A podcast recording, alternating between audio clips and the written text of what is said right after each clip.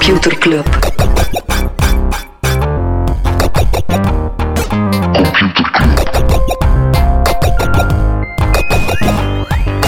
Computer Club. Hey Smally, Hey Freddy, welkom, welkom terug. welkom. Welkom bij Computer Club, een wekelijkse podcast over technologie. Iedere aflevering selecteren Freddy en ik een interessant artikel en presenteren we een feitje. Normaal beginnen we met de tech actueel, maar nu gaan we beginnen met Een shout-out een shout-out. Nou, wie gaan we shout-out geven? naar Chris. Nou, Chris, waarom? Chris Boulet is een trouwe luisteraar van Computer Club. Dat leek ons wel tof om alle 4000 luisteraars elke aflevering iemand in de... Nee, nee, dit is, dit is een eh, speciale gelegenheid. We hebben een heel cool, lief berichtje gekregen van Svea, die Chris wil bedanken, omdat hij een heel lieve man is. En omdat hij haar en Arwen, eh, dat hij voor hen zorgt als een dochter en een zoon.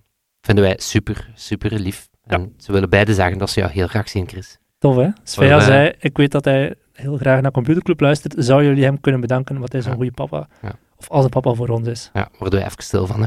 Absoluut. Ja, geen goede eigenschap voor een podcast. Dus eh Nou, gewoon door met de is Freddy. hard, hard, met die actua, hard met die actua knallen. Yes, moest je deze zomer van plan zijn naar een festival te gaan, absoluut geen foto van je festivalbandje op sociale media plaatsen, of toch niet als er een QR-code op staat. Inti de Keukelare, de ethische hacker, heeft eh, aangetoond dat je zo heel makkelijk geld van iemand anders zou kunnen aftroggelen. Die QR-codes worden gebruikt om te betalen aan de bars en zo. En als er nadien geld nog zou opstaan op dat bandje, kun je dat terugvragen, dat recupereren. Maar als je op voorhand niet jouw bankrekening koppelt aan die QR-code, kunnen andere mensen naar jouw plaats doen als ze een foto van jouw QR-code zien op sociale media. En heeft dat eh, toch wel blootgelegd dat daar eens een systeemfout in zat. Werchter onder andere, die hebben dan meteen gezegd van oké, we gaan dat fixen. Maar eh, je weet nooit dat er ergens een festival in Zevergem of weet ik veel waar is, dat Ze nog bestaan. gedaan. Ze, ze bestaan. Ja. Ze bestaan. Scherpbellen open air. Ja. Van schaalbellen naar India. Want eh, Amazon die gaat daar eh, ja, serieus veel investeren. Waar ze al van plan? Gaan ze nog meer doen? Ze gaan de investeringen in dat land verhogen met 15 miljard. Ze gaan eh, naar 2030 toe 26 miljard in het land investeren. Dat is het resultaat van ja, een bezoekje die Modi, de premier, had gedaan aan eh, Washington. Heeft daar met eh, Jeff Bezos ook, eh, ook wat samengezeten. En India, ja, dat wordt, wordt naar verwachting dit jaar het land met de meeste inwoners. Dus ze gaan China voorbij. En dat is natuurlijk voor bedrijven als Amazon een gigantische groeimarkt, maar het zou met name voor AWS zijn, voor het cloudplatform. Dat ze daar vooral dik gaan inzetten op India. Je dat er ook alles weet over investeringen is Uru. Dat hebben een nieuwe kapitaalronde gedaan. Zijn nu nog een keer 10% meer waard dan de 3,2 miljard van de vorige kapitaalronde. Het is vooral General eh, Atlantic, Amerikaanse private equity speler, die zich heeft ingekocht. Die bezit nu 4% van de scale-up. En Fabien, de oprichter, nog altijd 55%. Dus die dude is loaded. Kan wel wat gaan investeren. Misschien zijn er wel mensen hier die investeren. Misschien zijn er wel die investeren in crypto. Dat is ook nog altijd een ding.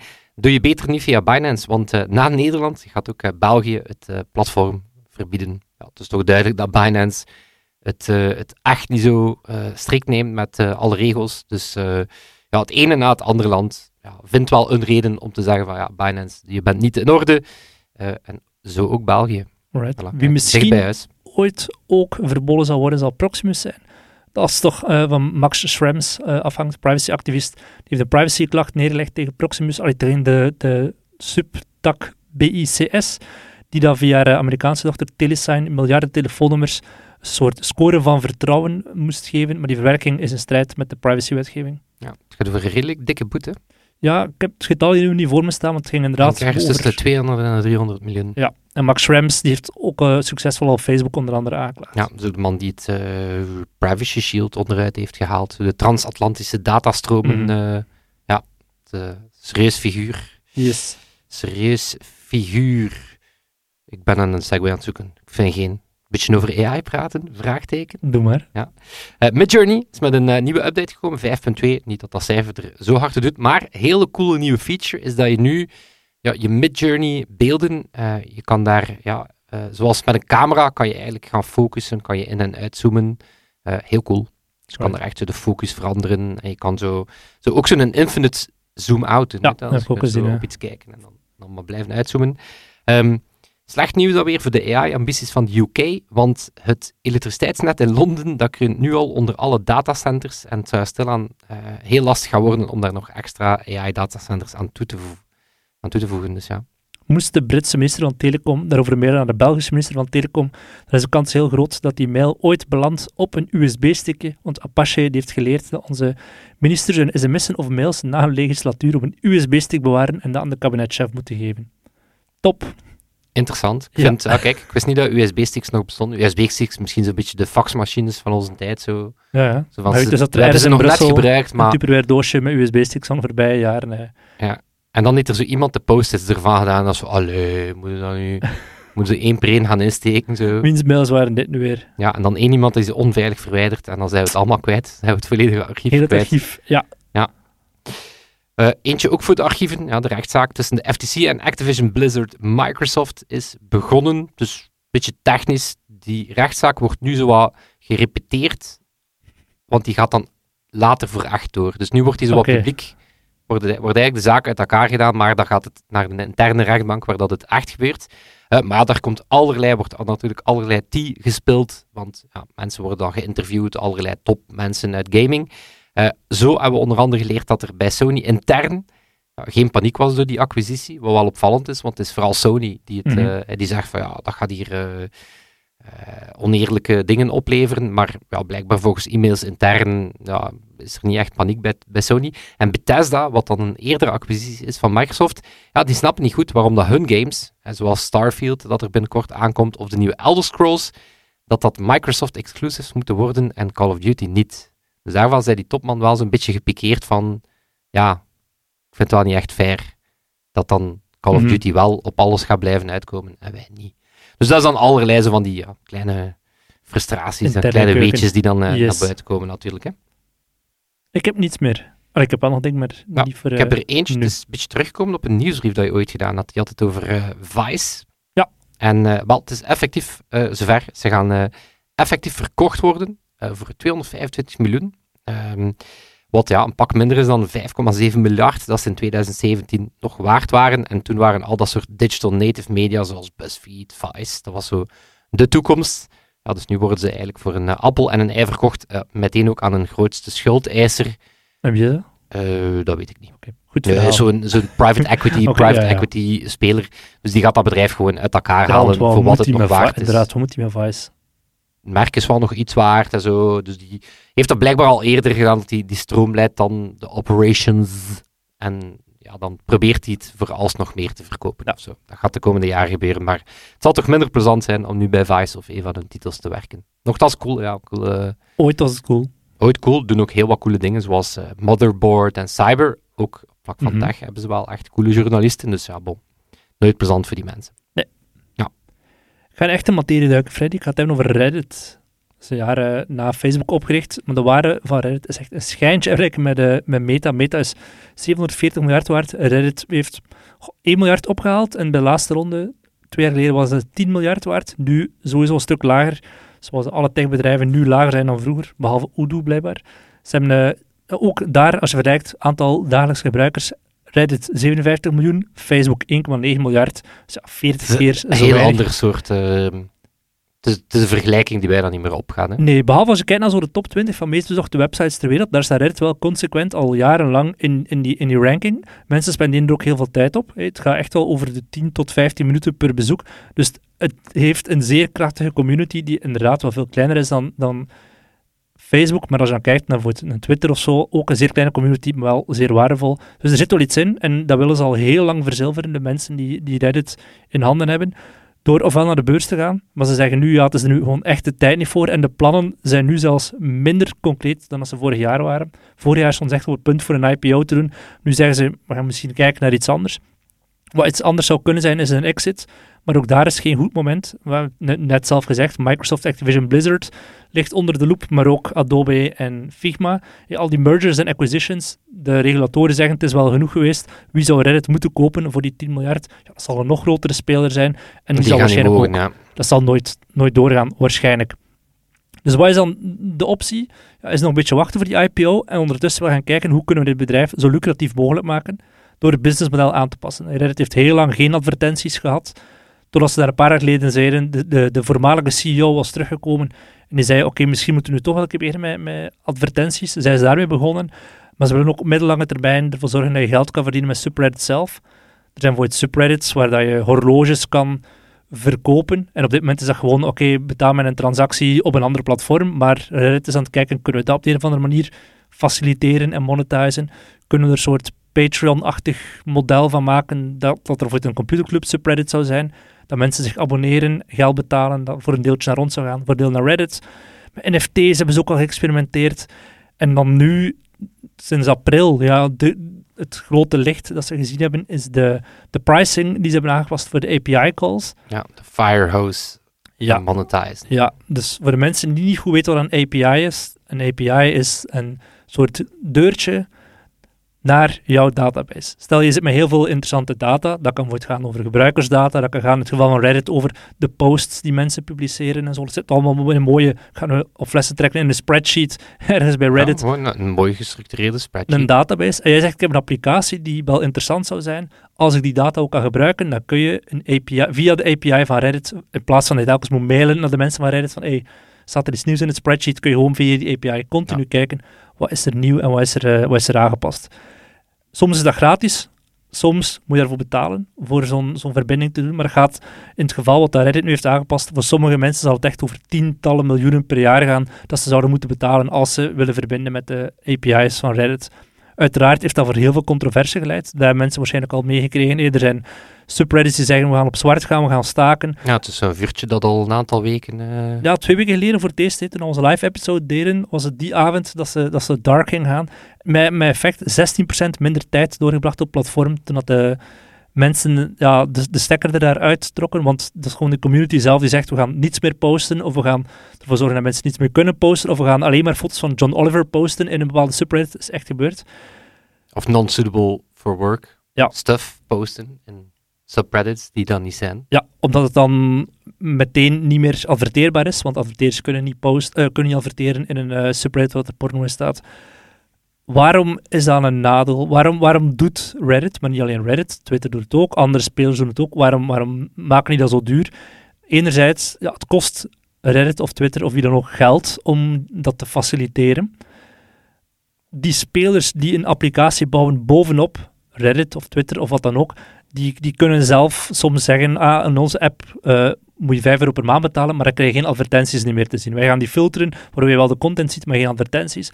Of ze gaan soms eigen advertenties gaan implementeren in die applicaties, wat uiteraard kut is voor Reddit, want er zit iemand gewoon als een parasiet mee te surfen op wat jij doet.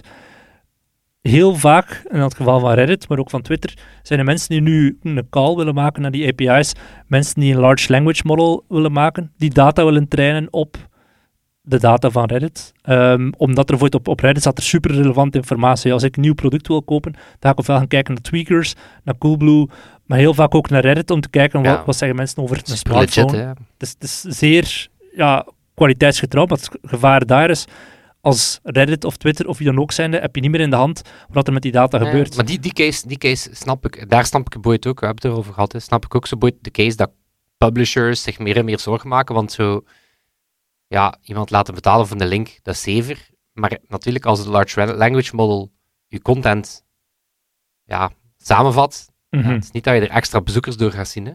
Dus dan kan ik wel perfect snappen dat je zegt van ja, oké, we gaan ons data itself gewoon ja. gaan monetizen. Uh. Ja, of ook op vlak van privacy. Reddit kan er nog met de beste bedoelingen zeer nauwkeurig omgaan met, met privacy, uh, met, met, bepaalde gegevens. Maar als iemand anders zegt, ah, Thomas die is lid van deze, deze en deze subreddit, we gaan hem dit, dit of dit voorschotelen of wat dan ook. Helemaal anders dan wat daar Reddit in hun privacy policy zetten. Dus dat is ook een gevaar van die API-kosten. Er zijn ook voordelen aan. Ehm, heel vaak gaan bedrijven ermee beginnen als het een start-up is, als ze zeggen we hebben niet genoeg mankracht om zelf producten te gaan ontwikkelen met onze bestaande data. Uh, heel goed voorbeeld is Twitter. Die eerste Twitter-app die was zeer brak. En dan kwam er een speler zoals TweetDeck, die zei, ah, wij kunnen een veel betere user experience ja, of Tweety of andere. Ja, heel veel, heel veel eigenlijk betere applicaties. Tweetbot. Ja, en als je dan effectief groter bent als speler, dan kun je gaan opkopen, zoals dat Twitter in de tijd met TweetDeck heeft gedaan. Die zeiden, oké, nu zijn we wel groot genoeg, we gaan gewoon opkopen en deel maken van onze product experience. Bij Reddit is dat ook gebeurd. En, en daar is eigenlijk de fout gegaan. Reddit heeft pas sinds 2017 een eigen applicatie Daarvoor had je heel veel andere applicaties die via die API's een eigen user experience hadden, die vaak veel beter zijn dan de huidige Reddit-applicatie, waardoor mensen daar zeer emotionele band mee hebben. Dat zijn eigenlijk businesses die zijn ontstaan bovenop Reddit. En dat, die, die, ja, doordat Reddit nu zegt, gaan jullie 20 miljoen per jaar kosten, voor het geval van Apollo, om die API-calls te doen. Die, die bedrijven kunnen dat niet betalen. Ehm, dus daar, daar valt er al, al een heel groot gat. Maar een ander ding dat, dat Reddit nu wel zegt, Reddit heeft gewoon, het is daar vooral echt een communicatiefout. Dus het feit dat ze die API-calls duurder maken, snap ik. Maar er zijn er ook nog altijd eh, die ze, gratis of zeer goedkoop gaan maken. Bijvoorbeeld voor tools die helpen om community te beveiligen. Of tools zoals Remind Me. Als je op Reddit uh, Remind Me typt, dan krijg je vanzelf een herinnering binnen één jaar of een maand of wat dan ook de datum dat je zegt. Om uh, nog een keer opnieuw op die post gewezen te worden. Ja, dat is ook via een API dat zo'n tool kan gebouwd worden. Ook academisch onderzoek. Dat is ook heel vaak zo'n ding van ja, ik ben een, ben een onderzoeker en ik wil al die data kunnen scrapen, of ik wil al die data automatisch kunnen binnentrekken van wat er op Reddit gezegd wordt. Ja, is dat nog gratis met zo'n API, ja of niet? Ook daar heb je een beetje als een startup founder zelf in de handen. Ja, ik heb toch het gevoel dat ze bij die third-party apps de bal spectaculair misgeslaan hebben, omdat bijvoorbeeld die Apollo is relatief klein in, in absoluut aantal gebruikers, maar het zijn wel met voorsprong uw, uw grootste power users. Maar het is, het is ook niet gezegd dat dat de facto, dat uw API geen advertising kan ondersteunen. Hè? Of mhm. dat uw API niet om kan met het feit, inderdaad, Apollo zou perfect kunnen zeggen, oké, wij tonen wel advertenties. Hè? En in dat geval zijn uw API-calls vrij goedkoop, omdat je zegt, oké, weet je, we sturen mhm. behalve de berichten ook ads mee. En dan maakt het eigenlijk voor Reddit niet zo heel veel uit of dat je het nu in hun eigen client of in die van Apollo bekijkt. Mm Zij monetizen die user toch. Maar als je inderdaad Apollo zet en zegt, oké, wij willen per se een ad-free experience, ja, dat, dat Reddit dan gewoon to the point is en zegt van, oké, ja... Een, dan kost het 10 euro per persoon per maand. Of dan kost het 3 euro per persoon per maand, want dat is wat wij aan een... Aan een uh, advertentie zouden verdienen. advertentie zouden verdienen. En dan kan Apollo nog altijd zeggen van, oké, wij maken er dan een eh, 5 euro per maand van uh, om onze app te doen. Dus er was wel degelijk, en dat was die interviews dat ik met die dude had gehoord, die Christian Selik, denk ik, developer van Apollo. In het begin was hij zelf gematigd optimistisch van oké, er komt dan professionele ondersteuning voor die API. Dit wordt een soort commercieel partnership. Mm hè, dus, want, want die weet ook hè, van, van zolang dat er geen officieel kader is, ja, zijn heel afhankelijk hè, van zo. Ja, ja. Als de die van de andere zijn, het is genoeg geweest. Voilà, dus die dacht, oké, we gaan hier professionele samenwerking aan. Maar het was gewoon zo een reken je rijk van je welste, ja, die totaal geen rekening hield met het feit van, ja, oké, maar dat gaat nooit lukken. Dus dat zag je dus ook bij Twitter, dat ze plots zeggen, het wordt super duur. En je van die meteo-apps die zeggen, ja, maar we willen gewoon ieder uur het weerbericht kunnen tweeten. Dat is geen commerciële... En het nadeel is dat je dan zo de, de goodwill dat je upfuckt, want opnieuw, ik denk dat ze, dat ze daar echt wel gewoon de fout hebben gemaakt, dat ze meteen een hele hoop van hun power users op hun achterpoten gezet mm hebben, terecht, hè, zo plotseling wordt hun favoriete app zo wat de speelbal van een, uh, van een, een cash grab. Dus volgens mij hadden ze daar wel iets beter kunnen uitwerken. Want als wat je nu nog doet van, ah ja, maar we hebben ons bedacht en we gaan dit soort bots wel makkelijk maken, dat voelt allemaal als van, ja ja, maar wie zegt er dat je dat binnen drie maanden niet plotseling... Uh, ja. Snap je, de goodwill dat mensen nu nog gaan hebben om rond Reddit te bouwen? Zeker. Hey, die is bij Twitter volledig verdwenen, hè, voor alle duidelijkheid. Uh, elke tool, zelf tools die het kunnen uh, betalen, stoppen gewoon met Twitter. Ja. Squarespace, waar wij onze site op hosten, mm zijn gewoon gestopt die kunt jij perfect Twitter betalen per jaar voor die licentie. Maar dan zoiets van ja of niet. Ja, weet je, ja. Of niet. Bij Reddit heb je ook nog het gevoel, het, het, nadeel, dat is een zeer uh, mondige community, een zeer, zeer trouw community, maar ook zeer anti-establishment. Dat is altijd al geweest, altijd zo'n beetje contrair hoekje van het internet geweest. Maar dat er, vroeger ging het er veel gortiger aan toe dan nu, dus ja, we kunnen wel credit where credit is due uh, geven aan, de, aan de, het huidige management, dat ze Reddit een beetje volwassener hebben gemaakt en het wat, wat meer een business van hebben gemaakt. Maar uh, daar heeft nu ook wel in een nadeel gespeeld dat dat zo'n mondige community is. Ja, het is toch wel het, uh, het jaar. Allee, bij Twitter is het al iets langer bezig natuurlijk dan 2023, maar het is wel het jaar van de sociale media dumpster ah, fires. ja, ja oké, maar dat is al langer. Hè. Al sinds Cambridge Analytica. Maar... Ja, maar nu had het toch na Twitter, maar Reddit zo'n platform dat zichzelf zo zwaar in de voet schiet, waardoor dat zo echt zo de...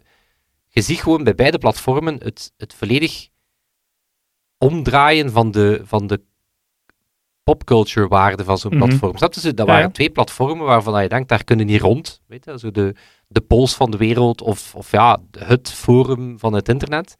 En dan had echt op een paar maanden tijd zoiets van, yo, bye. Hey, ja, ja. Dat vind ik wel... Uh, Vind ik wel crazy.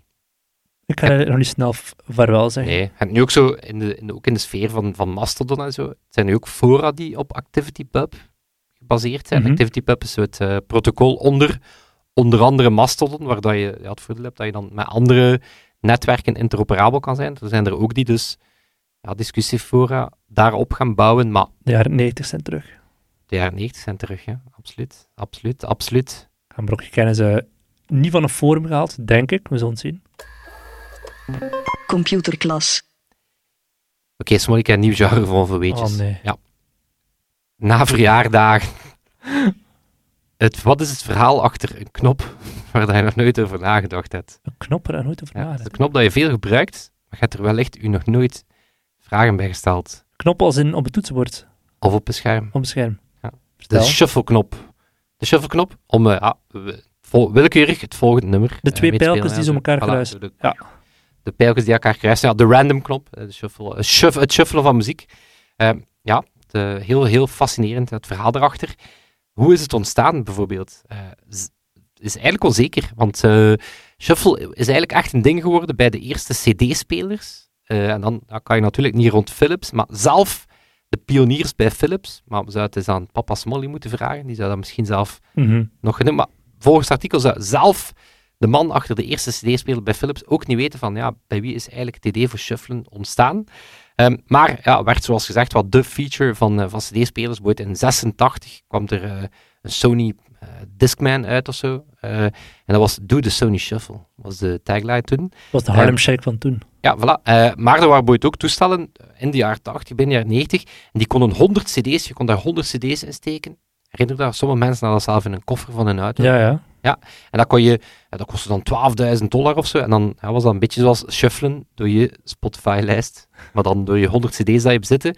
Ehm, maar ja, bon, spreekt voor zich dat natuurlijk na cd's is het eh, ja, digitaal echt een hele grote rol gaan spelen. De iPod Shuffle 2005 ja, was echt zelf de defining feature. Daar zat geen scherm op. Ja. Dus je kon, je kon zelf niet sorteren wat je volgende nummer was. Dus het was zo de, de volgorde dat je erop had gezet. Of, of alfabetisch, whatever. Of gewoon shuffelen. Dus ja, Apple heeft er dan heel hard de branding aan opgangen. En maar bijvoorbeeld ook ja, opkomst van Napster en ja, Toekuri MP3-bibliotheek. Ja, toen was shuffelen ja, was dat nog meer, nog meer dan ooit een ding. Het was niet gewoon op een cd'tje willekeurige nummers, maar zo Mhm. door alle mp3's die je zitten.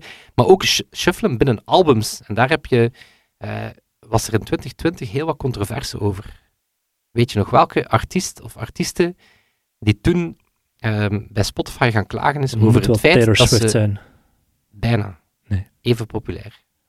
Eh, Niemand. Niemand is even populair als Taylor Swift. Adele, Nee, niet zo populair. Ook zeer populair. Maar dus ja, Spotify die ehm, ja, toen eigenlijk bij default shuffle op, eh, op albums staan had. En toen zei Adele, ja, als artiest ben Dat is een kunstwerk bezig. dat je van A tot Z moet beluisteren. Voilà, voilà, voilà. Ehm, en Spotify heeft eh, toegezegd, oké, je kan het afzetten, maar enkel voor premium gebruiken. Ze hebben er een premium feature van gemaakt. Ehm, maar ja, dat is natuurlijk ja, eigen aan Spotify, Pandora, YouTube. Ja, Mhm. dan, dan, die shuffle is eigenlijk geleidelijk eh, ook overgaan, niet enkel in het shuffelen tussen je eigen dingen, maar ook in een soort ja, never-ending stream, waarbij dat je eigenlijk ja, muziek in de stijl van, op Ja. de, gebaseerd op de artiest, gebaseerd op dit nummer. Ehm, en dat is eigenlijk nog een interessante, want ehm, ja, binnen computers ehm, ja, bestaat willekeur niet. Je kan computermatig, bestaat, bestaat, je moet echt al quantumcomputers hebben. Geprogrammeerd, Ja. Ja, je, je, je programmeert willekeur, maar dat is geen echte willekeur. Je zou echt al gigantische kwantummodellen moeten hebben om de willekeur zoals dat je die in de natuur hebt, zoals dat cellen zich Mhm. willekeurig gaan splitsen of afbreken, kan je eigenlijk niet doen. Dus wat je inderdaad kan doen, is je kan er hoogstens voor zorgen dat de kans op nummer x en de kans op nummer y op dat moment gelijkwaardig zijn of niet gelijkwaardig zijn. Maar dat is altijd, ja, daar zit per definitie een soort algoritme achter die willekeur nabootst. Of, ja, zoals dat we meer en meer zien, ja, die eh, ja, net niet willekeurig gaan zijn, maar net gaan zorgen dat het willekeurig voelt Mhm. Maar wel net bedoeld is om jou nog wat hoogte te houden of een nieuwe artiest te leren kennen. Maar dus ja, de volgende keer dat je op die, eh, op die twee pijltjes, op die twee pijltjes klikt, weet dat daar een hele historiek achter gaat. Allemaal begonnen in Eindhoven. Wellicht begonnen bij Philips, al zijn ze het daar ook niet zeker. Alright. Maar de kans lijkt mij zeer reëel. Ja, voilà. Maar dus, Molly, ja, houd je vooral vast. eh, alle toetsen op je toetsenbord, alle knoppen in je UI, daar ga ik de komende, Oh daar ga ik de komende maanden achter. Of niet, hè, Smolly? Volgende keer gaan we het hebben over de command-toets. De control-toets. Waarom niet? De backspace-toets, de delete-knop. Ja, gek, kan zo maar allemaal. Mocht mij niet op ideeën brengen, Smolly. Smolly, check dit. Dit is mijn nieuwe favoriete YouTube-video. Freddy toont hier nu een video. 24 uur of Dat zie je. pure black screen in HD. Wat de hel. Het is gewoon een puur zwart scherm, Smolly. En waarom? Gewoon een puur zwart scherm. Het is zelf, zoals dat je zegt... Staat er geluid op? Nee, het is gewoon een zwart scherm. En zoals dat je ook gezien hebt, het is eh, 24 uur een zwart scherm. Of technisch gezien 24 uur, 1 minuut en 27 seconden. Ik weet niet of dat de HD waar is, maar ik vind het wel appealing. Nee, David Pierce van The Verge, ehm, die kwam die video tegen. En die video is opnieuw 24 uur een zwart scherm. Hoeveel keer is die bekeken? Wel, 40 miljoen. Ja, dus voilà. Dus die zegt, oké, één, waarom bestaat die? Mhm. Twee, het is blijkbaar een volledig subgenre van dit soort video's. En ja, drie, ze zijn zeer populair. Hè, want deze alleen al heeft eh, 40 miljoen views. Maar we komen nog terug bij de maker. Oké, Want het is, Dries de wel, Porter. eh, na, nee, de man noemt Nathan ook wel Black Screen Guy genoemd. Maar Oké, je gaat meteen ontdekken dat hij meer doet dan enkel Black Screen Guy. Maar ja, behalve het feit dat hij heel veel views heeft, is, daar zit ook een heel eh, actieve community rond. Ehm, en het is mo mogelijk, zo mogelijk wel een van de mooiste eh, communities, want het is, hij is eigenlijk volledig positief. Er is niks toxisch aan die comments, wat op YouTube best wel indrukwekkend Mhm. is. Maar die staat bijvoorbeeld vol met, how is this not in theaters? Zeker niet ironisch. Of, the story, the characters, the acting is a masterpiece.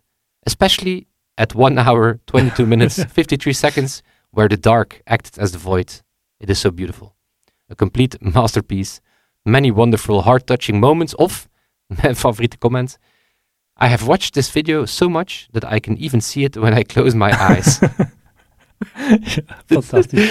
Ja, dus het is, het is, het is het klein, zoals je het over, over Reddit zei, toch een klein mooi plekje op Mhm. het internet waar dan mensen gewoon ehm, samenkomen om, ehm, ja, om, om dit soort ja, meesterwerkjes te bekijken. Dus, maar dus David Pierce vroeg zich af van, is dit puur een joke? Is dit een meme-video, zoals, Mhm. dat, ja, zoals dat meme-stocks een ding zijn en rickrolling een ding is? Van, is dit gewoon het internet ja, die, die weer iets uitgevonden heeft? Maar ja, dat zal iedereen natuurlijk weten, is, eh, het is deel van een breder genre aan... eh, aan langere video's. Ehm, heel divers. Eh, geiten die tien uur lang een Taylor Swift refrein aan het makkeren zijn.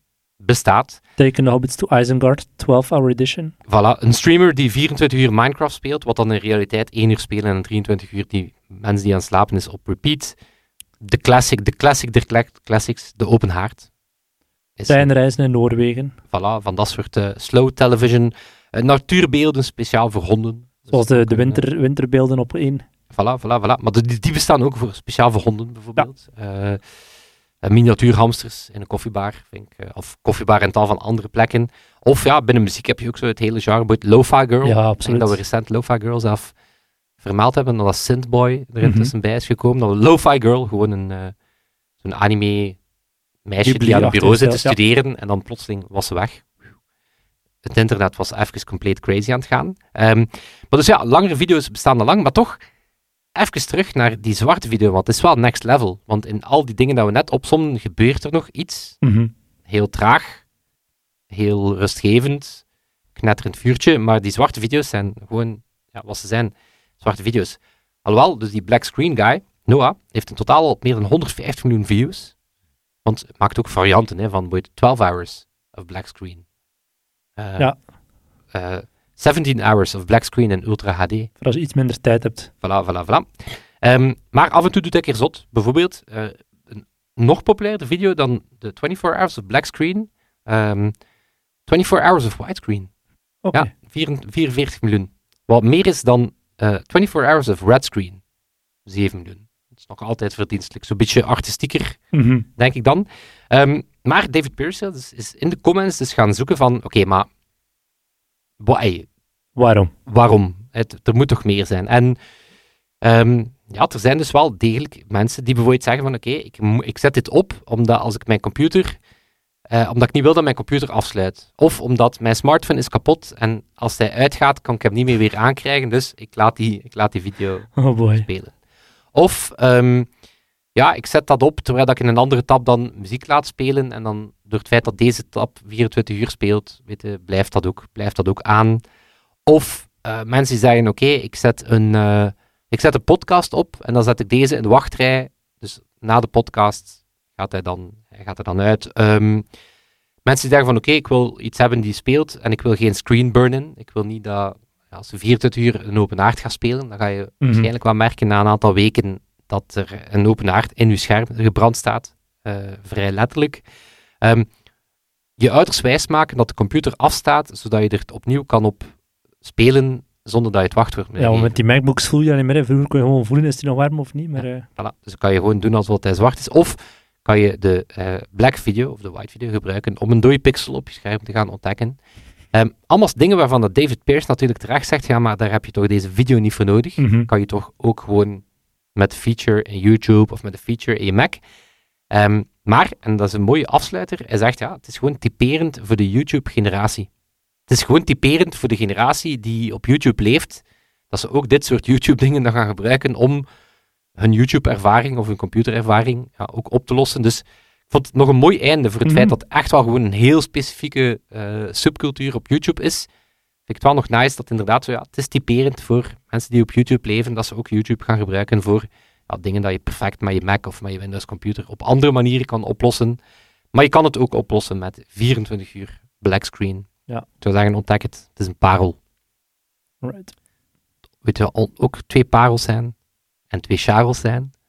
Ah, ik ging net zeggen, de, de, er gaat binnenkort, of op het moment dat mensen dit luisteren, gaat de video van Average Rob gedropt zijn, was een triathlon, en dat zal een video zijn van meer dan een uur, en dat zal volgens mij de langste YouTube-video zijn dat ik ooit zal bekeken hebben, natuurlijk van A tot Z bekijken. Voilà, kijken we naar uit. Yes, maar we gaan terug naar twee andere Charles. Ja, ik ging zeggen, we gaan ook nog iets droppen volgende week. Dat is ook waar, hè? cliffhanger. Ook waar, hè? Ja, we gaan iets, uh, we gaan, we gaan iets, we gaan misschien wel, ja, nee, we gaan het sixte Behalve Average Rob zijn video, het sixte ding van het internet droppen. Absoluut. Denk ik. Hype ik. Maar inderdaad, terug naar onze twee Charles. Toon en Sebastiaan. Die ons elke week helpen met de mix. Sebastiaan, die hem deze week terug voor zijn rekening neemt. Daar zijn we super dankbaar voor. Ook heel dankbaar voor onze vrienden van de show. show. Het zijn mensen die ons maandelijks of jaarlijks steunen. Zijn er waren weer drie nieuwe mensen hè, deze week. Ja, het waren, er, het waren er heel wat. Heb je de naam bij de hand? Anders zoek ik ze even. Ja, het waren er heel wat. Ja, wacht. ik kan het toch niet zien. We vermelden ze altijd in, onze, in onze nieuwsbrief. Daar uh, zwaaien we altijd. Nieuwsbrief.computerclub.online Elke vrijdag uit. En dat zal het zijn. Tot, Tot volgende, week. week. Yo. Yo. Computerclub. Computerclub.